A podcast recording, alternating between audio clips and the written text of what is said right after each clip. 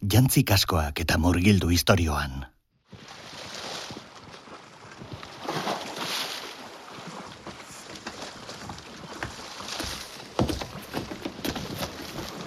Estriborrera, Nizar! Pixka bat gehiago. Gehiago. Baba, nahikoa, nahikoa. Prestatu txikota.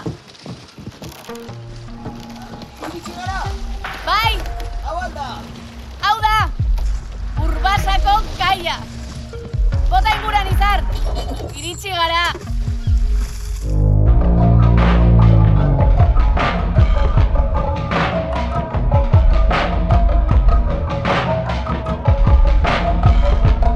Etorkizuna asmatzeko modurik eraginkorrena, zuk zeuk berau sortzea da. Archipelagoa, lehen sasoia, lehen atala, hiru olatuak.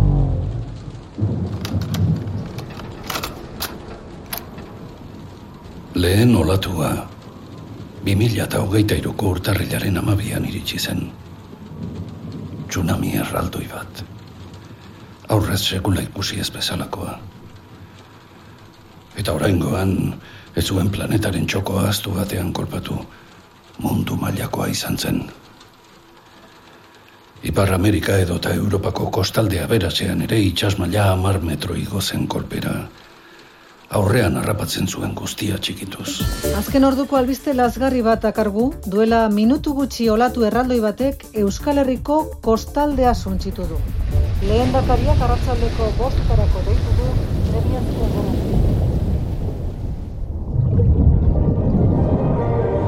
Une catastrophe sans précédent. C'est ainsi que le président Macron a décrit l'impressionnant tsunami qui a laissé une grande partie de la France sous les eaux.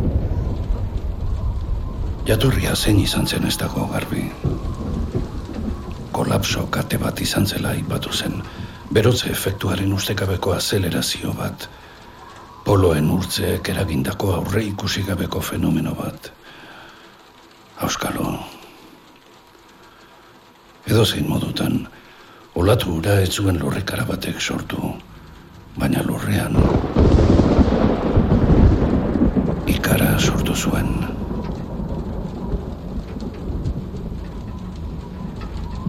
Olatu ura bat batekoa eta ez ustekoa izan arren, ezin da esan abisurik jaso ez genuenik. Urteak zeramatzaten era guztietako zientzialari eta dituek horren berri ohartarazten. Uolteak, lehorteak eta ekaiz bortitzak gero eta ugariagoa ziren. Klima zoratuta zebilen. Sintoma bat zen, gaixo dagoen korputzak sukarra duen legez. Lurra, atxedenik gabe izaturiko animalia baten gizan, ormaren aurka ipini genuen, eta laguntza eskeari zitzaigun. Baina ez genuen kasurik egin, inorkez, urruti ikusten genuen arriskua. Urrengo belaunaldia konpondu beharreko zerbait zen, besteen arazoa. Baina piztia zaurituak bira eman eta erasoa jo zuenean, gure gana etorri zen, gu guztion gana.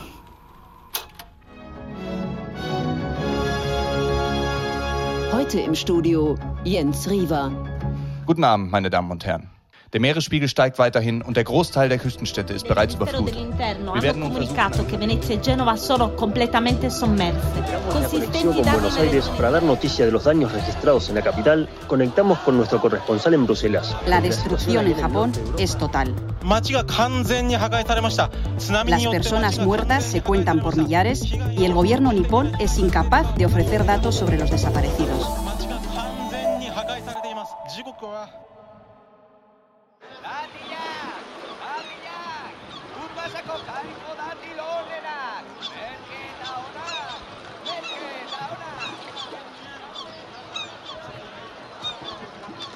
La la la la, la juja dut fa. Hau posible alda. 2000 egun da irugarren urtean eta urbasako kaian euskaraz ez dakien arakin bat. Nizar, zu badakizu arabieraz. Ze esan du? Ez dagoela traturik. Eh? Zeratik, Gure burdina non lortu dugun jakin nahi du. popatik hartzera bidali orduan. Jare. Zer, Ez da bere kontua. Ja, baina horrela ezin da jendea tratatu. Gatza eta okelaren truke gure burdina hartu nahi ez badu, beste baten gana joango garela erantzun, akitxo. Hmm. Tira, zaizuzu? Zena zaizaude? Vale. انت اللحظة واهلا من فضلك اه سيدي ان كان لا يمشي بلاتي لاتي يلا يلا Jare. Zat, zatoz denek. Eskatu besoa. Jare, entzu idazu. Kontua ez da, merkatari horrek gure burdina hartu nahi ez duenik. Ez ba orduan, Beldur da, ulertzen. Nondik sortu izan den asaltzerik ez badu, norbaitek lapurtuak direla pentsatzen badu batzea, arazoak izan omen ditzake Ipar Afrikako ligako soldaduekin. soldaduekin. Doazela antzarrak perratzera denak. Ja, Jare, Ez, jare, ez. Zuk eta nik badakigu nondik atera nuen burdina. Baina gure eskifaiatik kanpora ez diot inorri ez zer esan beharri. Inortxori ere ez, entzun? Oraindik gure buruaren jabe bagara ez da. bai, noski, baina horrela... ez- Ipar Afrikako ligako gerota soldadu gehiago dago hemen. Urbasako kaia beraien etxeko ataria balitz bezala paseatzen agendari kargu hartzen gainera. Ja, ze arraio, ze uste dute? Hau Euskal Artxipilagoa da oraindik. Ze, ze, ze kristo da hori? Kristo ez, hain zuzen ere. Almoezina da. Almuezina. Bai, hor goiko dorre horretan, alminarean, ikusten? Otoitzerako deia egiten ari da. Eguerdia da, badakizu. Bai, bai, badakit. Baina etorri nintzen azken aldian ez zegoen alakorik. Ba, bada denbora ere ikizutela. Etza herritik asko ateratzen, eh? Ba, ez nahi ez du balako. Baina aitonak, hor kanpoko mundu arriskuz betea dago, jare. Kaka, arriskuz betea. Urbasara etortzen ere ez zidan utzi nahi kasi. Eskatxo kuitadu bat bezala ikusten oraindik. Ja. Eta hori mundu arriskutsu horretan zehar ibilia dela, bera. Ba, ni ere joango naiz. Azkatuta nago, aitonaren, soldaduen, almuezinen eta gainontzeko goilartxuen kukurrukoak entzuteaz. Ez zer duzu almuezinarekin? Ez duzu euskaldun musulmanon orko ezer izango, ez da, jare? Gure bertan jaioa gara. Ez hasi niri alu bizarrak ukitzen izar. Nintzen erlijioazari. Jainko guztiak berdin gorrotatzen ditut. Horrekin lasaiago geratzen bazara. Umore honez zaude gaur, eh? Nabari zaizu. Titi muturretaraino, horrela esenao. Oain, itxi behingo zagoa eta guazen badan pumpiduren dendara. Zerdi pixka bat bota beharko dugu zerrama iruzurti horrekin tratua izteko. Baina burdina nondi datorren ez digu galdetuko gintzat. Madame Pompidou. Hoi zer da? Frantsesa, euskalduna, ala beste kanpotar bat. Ez ni tentatu, nizar, ez ni tentatu. Ezki bukatuko duzu bestela. Eta bizkortu pausua. Bizkarrean burdin zaku bat aramazula dirudi. Ondamendiak ondorio izugarriak izan zituen. Gezurra zirudien arren, okerrena etzen olatua izan, olatuaren ondorengoa baizik. Gudaroste inbaditzaile baten antzera, itsasoak espaitzuen atzera egin konkistatu berri zituen lurretatik. Jendea, nora ezean geratu zen.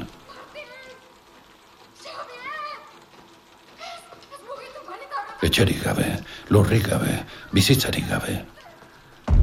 Ilotz gehienak ez ziren aurkitu. Eta aurkitu zirenak, ez ziren ehortzia izan.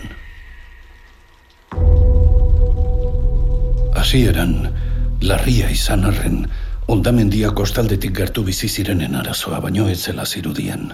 Zoritxarra, patuaren erruleta makabroa, haiei egokitu zitzaien itxuraz. Baina ondamendiaren urrengo egunetan, mugatuta geratuko zen amesgaizto baten ilusiotik esnatzen hasi zen jendea. Izan ere, mundu mailan industria eta zerbitzuen hiru laurdenak kostaldean kokatuak zeuden. Erietxeak, supermerkatuak, banketxeak, lantegi handiak, itsasoak eraitsi zituen ia guztiak.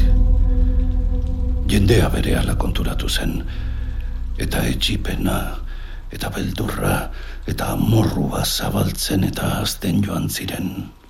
Tsunamiare erraldoiago baten antzera.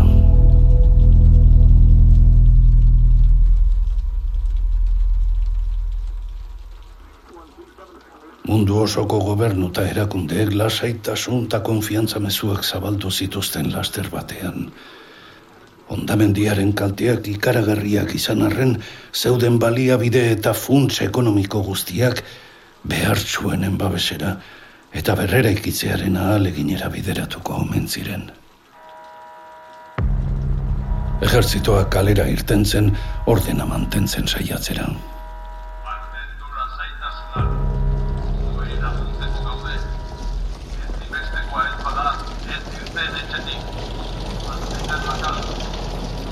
Baina inorretzen lasaitu. Areta gutxiago etxerik gabe geratu zirenak. Beldurra, izurrite bihurtu zen, eta aserrea gaixotasun. Istiluak eta borrokak lehertu ziren leku guztietan, eta hura hasiera baino etzen izan.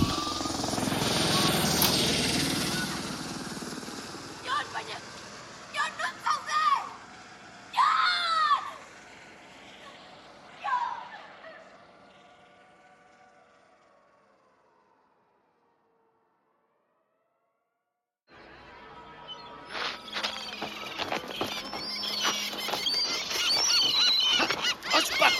Korratu ditut kaioak! Ah! Zerretan zabiltza? Kanpora! Ratoiak baino kerrauak dira. Utzi txoriak pakean izar. Begira, hortxe dago, Madame Pompiduren denda. Goazen ba? Itxoin, itxoin. Ze? Gauza bat, zuk ez zabaldua horik. Utzi niri hitz egiten, bai? Aizu, frantsesez ere moldatzen naiz apur bat, lagundi ezazuket? Berak ederki egiten du euskeraz, ez da horregatik. Madame Pompidou, nola esan, arratoi egodun bat bezalakoa da. Ulertzen, ondia, hiletsua eta maltzurra. Gaiztua ere ez, baina gutxien uste duzunean ziria sartzeko preste egoten den horietakoa. Ulertzen? Ongi da, ongi da. Isili egongo naiz. Eta moko kasten bat zaizu, babestuko zaitu. Ha? Eta nork esaten du zure laguntza behar dudanik. Oh. Ara hemen, emakume gaixoak babestera etorri den beste gizontxo bat. No, bueno, enuen hori esan nahi, are. Ha, enun esan nahi, esan nahi, baina esan duzu. Ikusten, horregatik esan dizut aurik ez irekitzeko. Vale. Oaingoa zen barrura. Eta lasai, Andre gaiztuak erasotzen bazaitu, nik babestuko zaitut.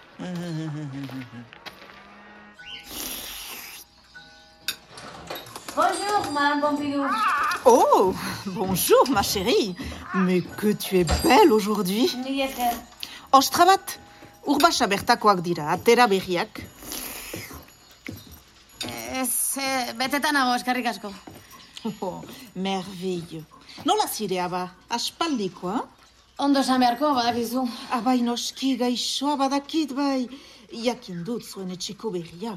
Quel dommage. Zer, zentzun duzu. Aita txirena, burua da ez da? Galtzen ari dela, denan hasten. Iruditu zitzaidan, bai, hemen egon zen azken aldian. Lastima bat da, mafi, baina bakizu urteak ez dute barkatzen. Zer diozu, nola burua galtzen? Aitona primeran dago. Hemen egon zen azken aldian zoro moduan jarri bazen, itzemandako prezioa erdira jaisten saiatu zinelako izan zen. Ez burua galtzen ari delako. Bai, bai, ados. Utz ditzagun eriei buruzko izketa triste horiek. Zoin edera zauden, maseri, eta nola onditu ziren. Azken aldian ikusi zintudanean, titiak ere etzinituen jata begira orain emakume bat egina. eta jada mutil lagunarekin. Mutil laguna? Bon, ados. Nola erraiten diozu ezuek gazteek? Senargaia, maitalea, azukre koskora.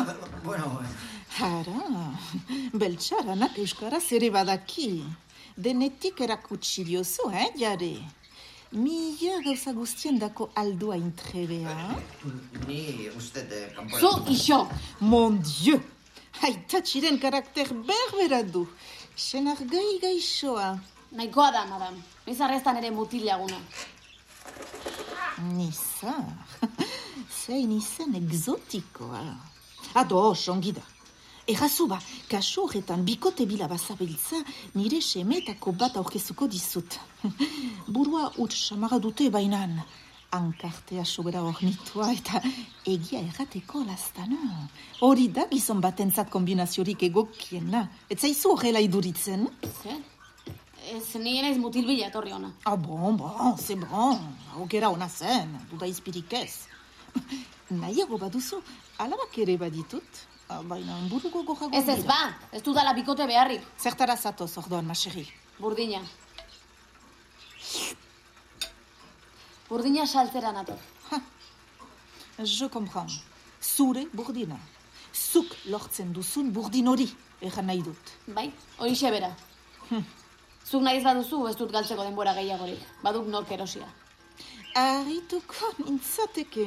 Baina gisa goziz, zato, goazen deda barnean den bulegora. Hau ez da hemen, jendea intzinean mintzatzeko gaia. Ados. Ah, Nizar, eta zu izan sintxo otoi. Gelditu hemen kanpoan. Emakumeok gauza seriosez hitz eginten dugun bitartean. Bai? Bai. Eta hoxatu norbait sartzen bale mara.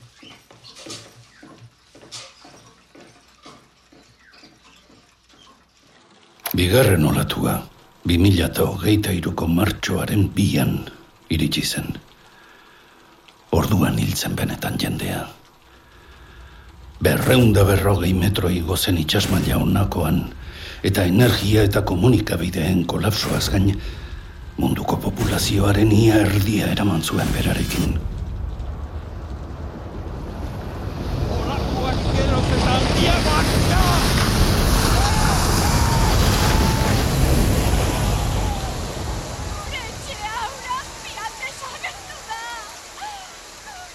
Lehen olatuan kaltetutako entzat kostaldean eraiki zituzten errefusiatu kanpalekuak txikitu zituen lehen da bizi. Baina gero, baita ustez salbu zeuden barrualdeko eundaka herri ere, ondamendia ikaragarria izan zen, eta munduko herrialde guztietan biztanleriaren eriotza masiboa eragin zuen. Bizirik iraunzutenek, ordenik gabeko iesari egin zioten.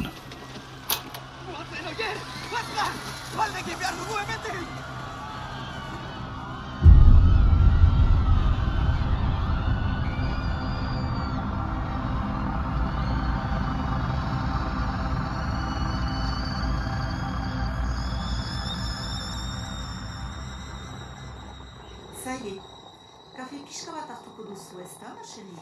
Bai, ongi da. Esnerik, Ez ez,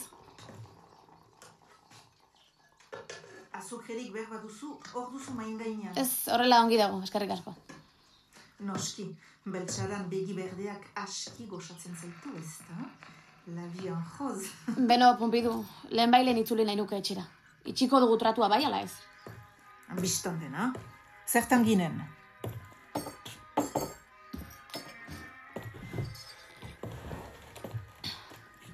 Burdin guztia, amairu zakuak zuretzat ziren. Eta trukean nik lau arroba gari, lau zaku bakaila hogatzatu, bi kupel olio eta lakari bat kandela eskuratuko nituela ari ginen esaten.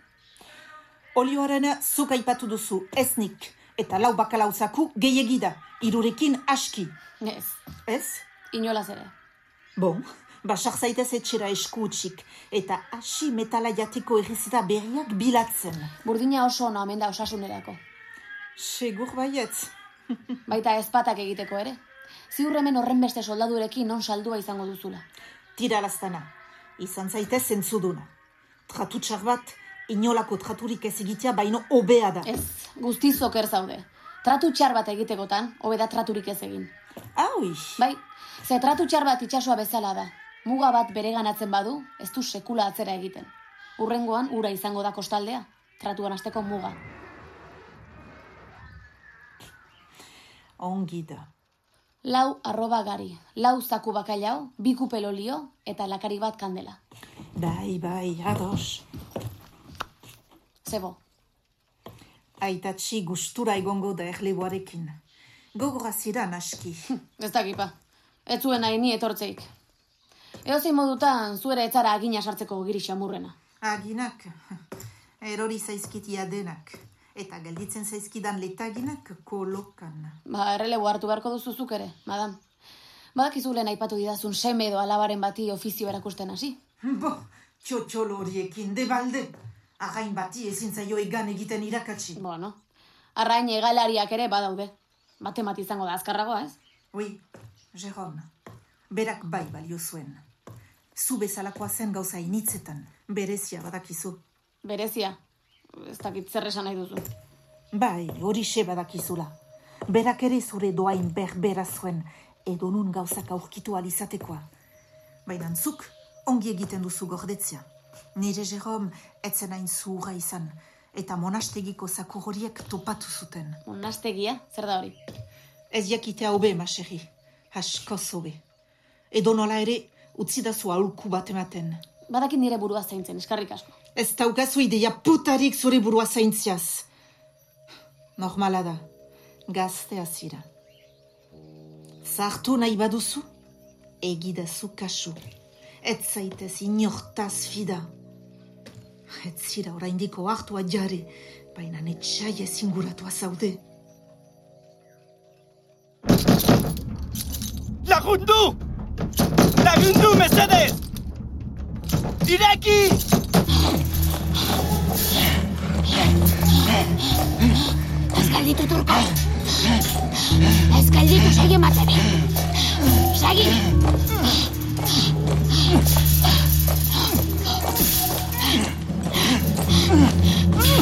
Kaben dio! Jos! Txortan lasai egiten ere ez diate uzten. Turko! Jo altzak eta jetxe sotora. Atera sasikume hori kutsati behingoz. Horrela ez dago larrutan egiterik.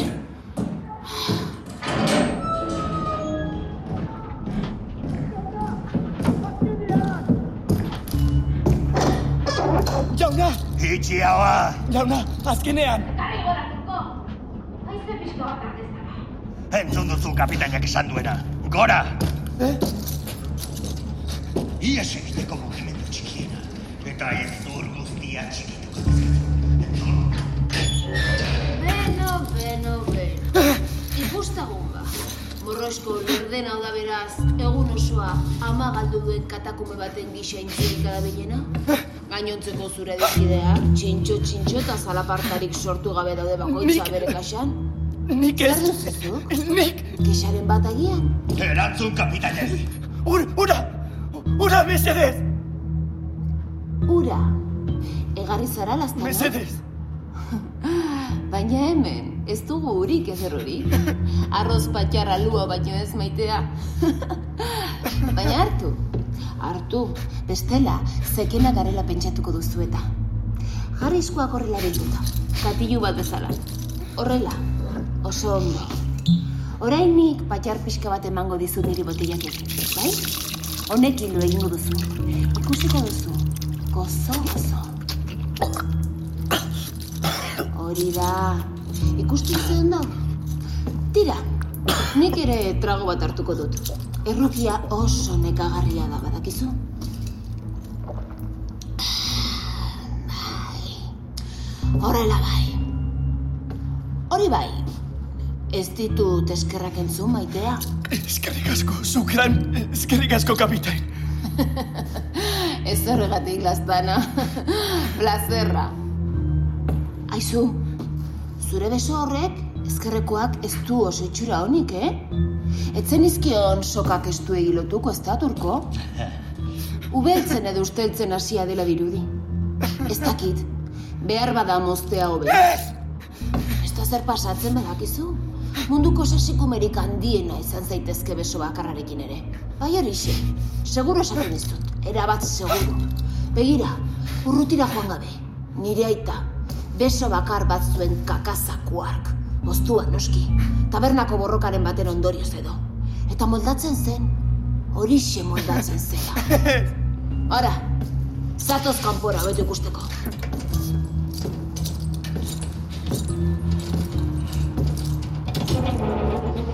Bueno, bueno, begira. Nire itaren tankeratxo bat eta guzti hartzen dizut. Berak ere sudurkako berbera zuen. Bera etzen arabiarra zu bezala, eh?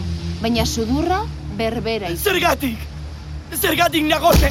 Ez eten izketan ari naizenean, amorru handia ematen dit. Izugarria! Horretan nik daukat aitaren antza badakizu.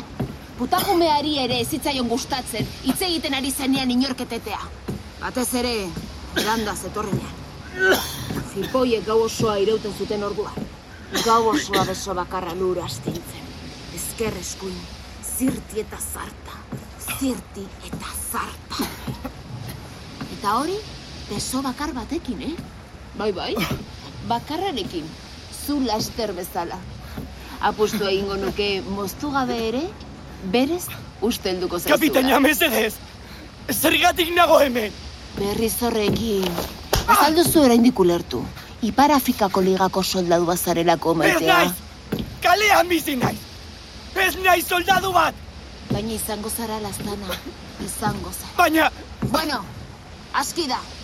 Aspertu naiz hitz egiteaz. Turko, eraman bera berriz kakazaku hau. Bai, Ez! Ez, mesedez! Eta begiratu besteak bizirik ote dauden. Gogoratu oraingoz, bizirik behar ditugula. Eh, turko, Bai? baina lehen da bizi zatoz nirekin eta atera berri zure buztana. Lehen erdizka utzitakoa bukatu nahi du.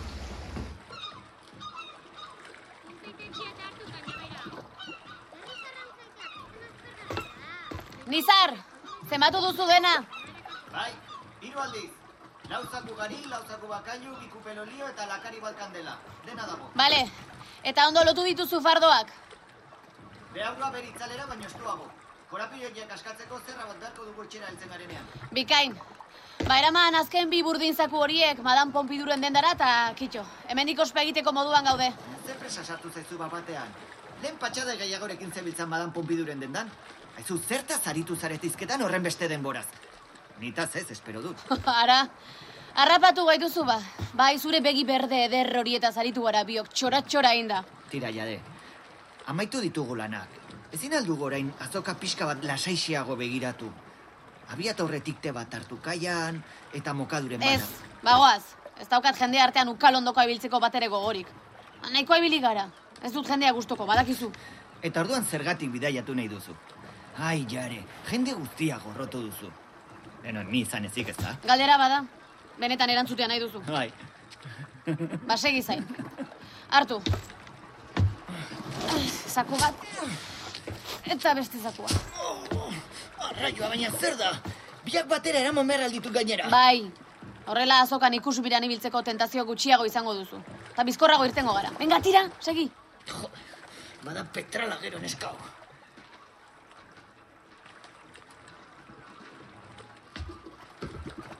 Jare, Eh? Zer, jare zara, ez da? alde nere ontzitik. Pausu bat gehiago eta makuluekin ibili beharko duzu gaurtik aurrera. Barkatu. Barkatu ikaratu bazaitut. Etzen nire osma. Nor zarazu. Eneko izena dut. Toloño uartetatik nator. Lasai, lagun bat naiz. Laguna. Ez zaitut ezagutu ere egiten. Bai, arrazoi duzu. Gaur egun hobeda gainera mesfidati izatea. Ez dugu elkar ezagutzen, baina zure gurasoak ezagutzen dituen. Aita batez ere. Urbiako uartetikoa izan arren adiskideak ginen. Asko estimatzen nuen. Zure amaren begi txinpartatxu berdinak dituzu. Horrela esaten uzten badidazu. eta, eta baita bere genio berbera ere. Ez dakit. Enituen ez aita da ez ama ezagutu. Ez, badakit. Ama zure aurdun zegoen aitaren sendabide bila, alpeetara abiatu zirenean. Gero istripura. Eskerrak zu behintzat, honik atera zinen. Bai, istripua. Izurriten madarikatua. Jende on gehiegi eraman zuen gure albotik. Amalurrak gozo arditzala denak bere altzoan. Zer nahi duzu? Laster ritxasoratu egin behar dut. Ados, adira. Ondo ikasia zaudela ikusten dut. Zure aitonaren gatik nator, hain zuzen ere. Aiton atxean geratu da. Dagoneko ez dago bidai askotarako. Hm, beste bidaiatxo bat gehiago egin beharko duela uste dut ba. Nola? Emaiozu hau. Garrantzitsua da oso. Euskal Archipelagoaren geroa dago jokoan.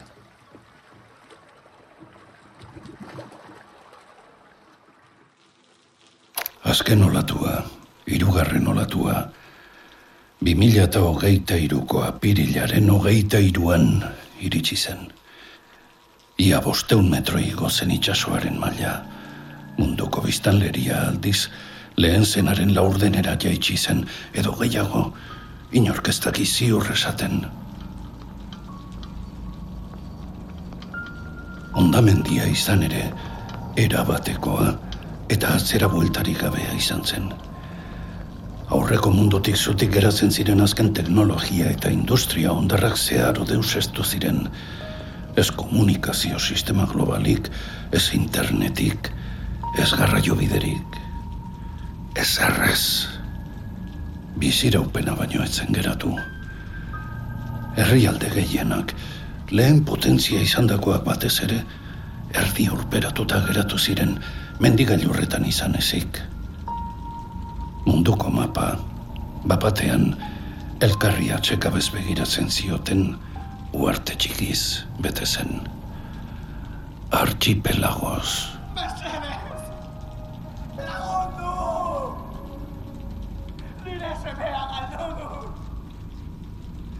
Lauro gehi urte pasa dira ordutik, Lauro gehi urte luze. Eta badakit zer diodan, nik guztia bizi izan nuelako. Ondamendia gertatu zenean, bederatzi urte nituen.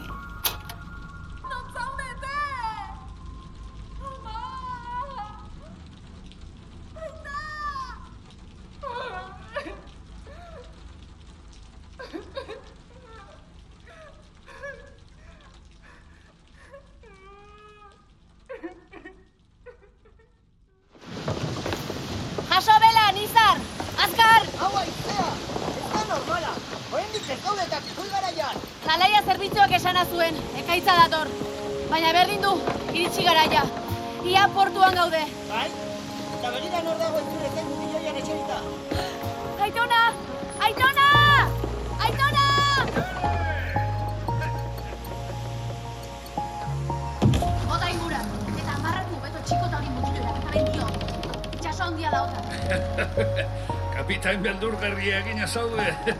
Enuke zure eskifaian joan nahiko, ez da nizar marinel bakarra izan da ere. Ni joan nintzen bat zure agindutara behin, hanik hasi nuen marinelei horrela zaunka egiten. Horretan enizun irakatsi beharrik izan. Bueno, zer moduz joan da dena. Arazorik izan duzu? Ez, bat ere ez, behin baino gehiagotan esan dizut, kanpora bidaiatzeko erabat presna aitona. Ez, jare, ez. Euskal Archipelagotik ateratzeko ez duzu inolako beharrik. Debekatu egiten dizut. Bueno, hitz egingo dugu hortaz. Ah, baina, aztu baino lehen hau, eskutitza hau eman dizuretzat neko izeneko gizon batek.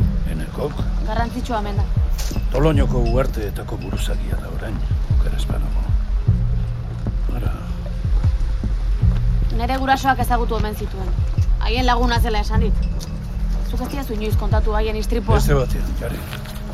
Hau ez da unea. Zer da? Albiste txarrak? Bai, ekaitza dator.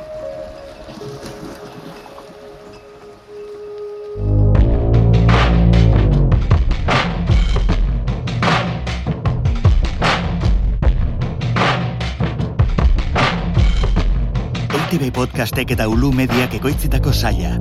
Archipelagoan parte hartu dute? Gidoian, Xavier eta Martin Etxeberria.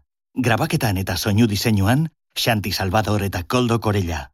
Aktore zuzendaritzan, Anartz Zuazua. Jatorrizko musika, Rafa Rueda eta Aritz Aramburu. Artea, Xavier Sagasta. Besteak beste, honako aktore hauek hartu dute parte. Aitziber Garmendia, Eneko Sagardoi, Anartz Zuazua, Iñaki Bera Etxe, Sara Kozar, Clara Badiola eta Bikoiztaile Euskaldunen elkartea. Ekoizpena eta zuzendaritza, Oier Arantzabal eta Juan G. Andres. Sail guztiak entzungai dituzu EITB Podcast aplikazioan, webgunean edo zure audio plataforma kutxunean.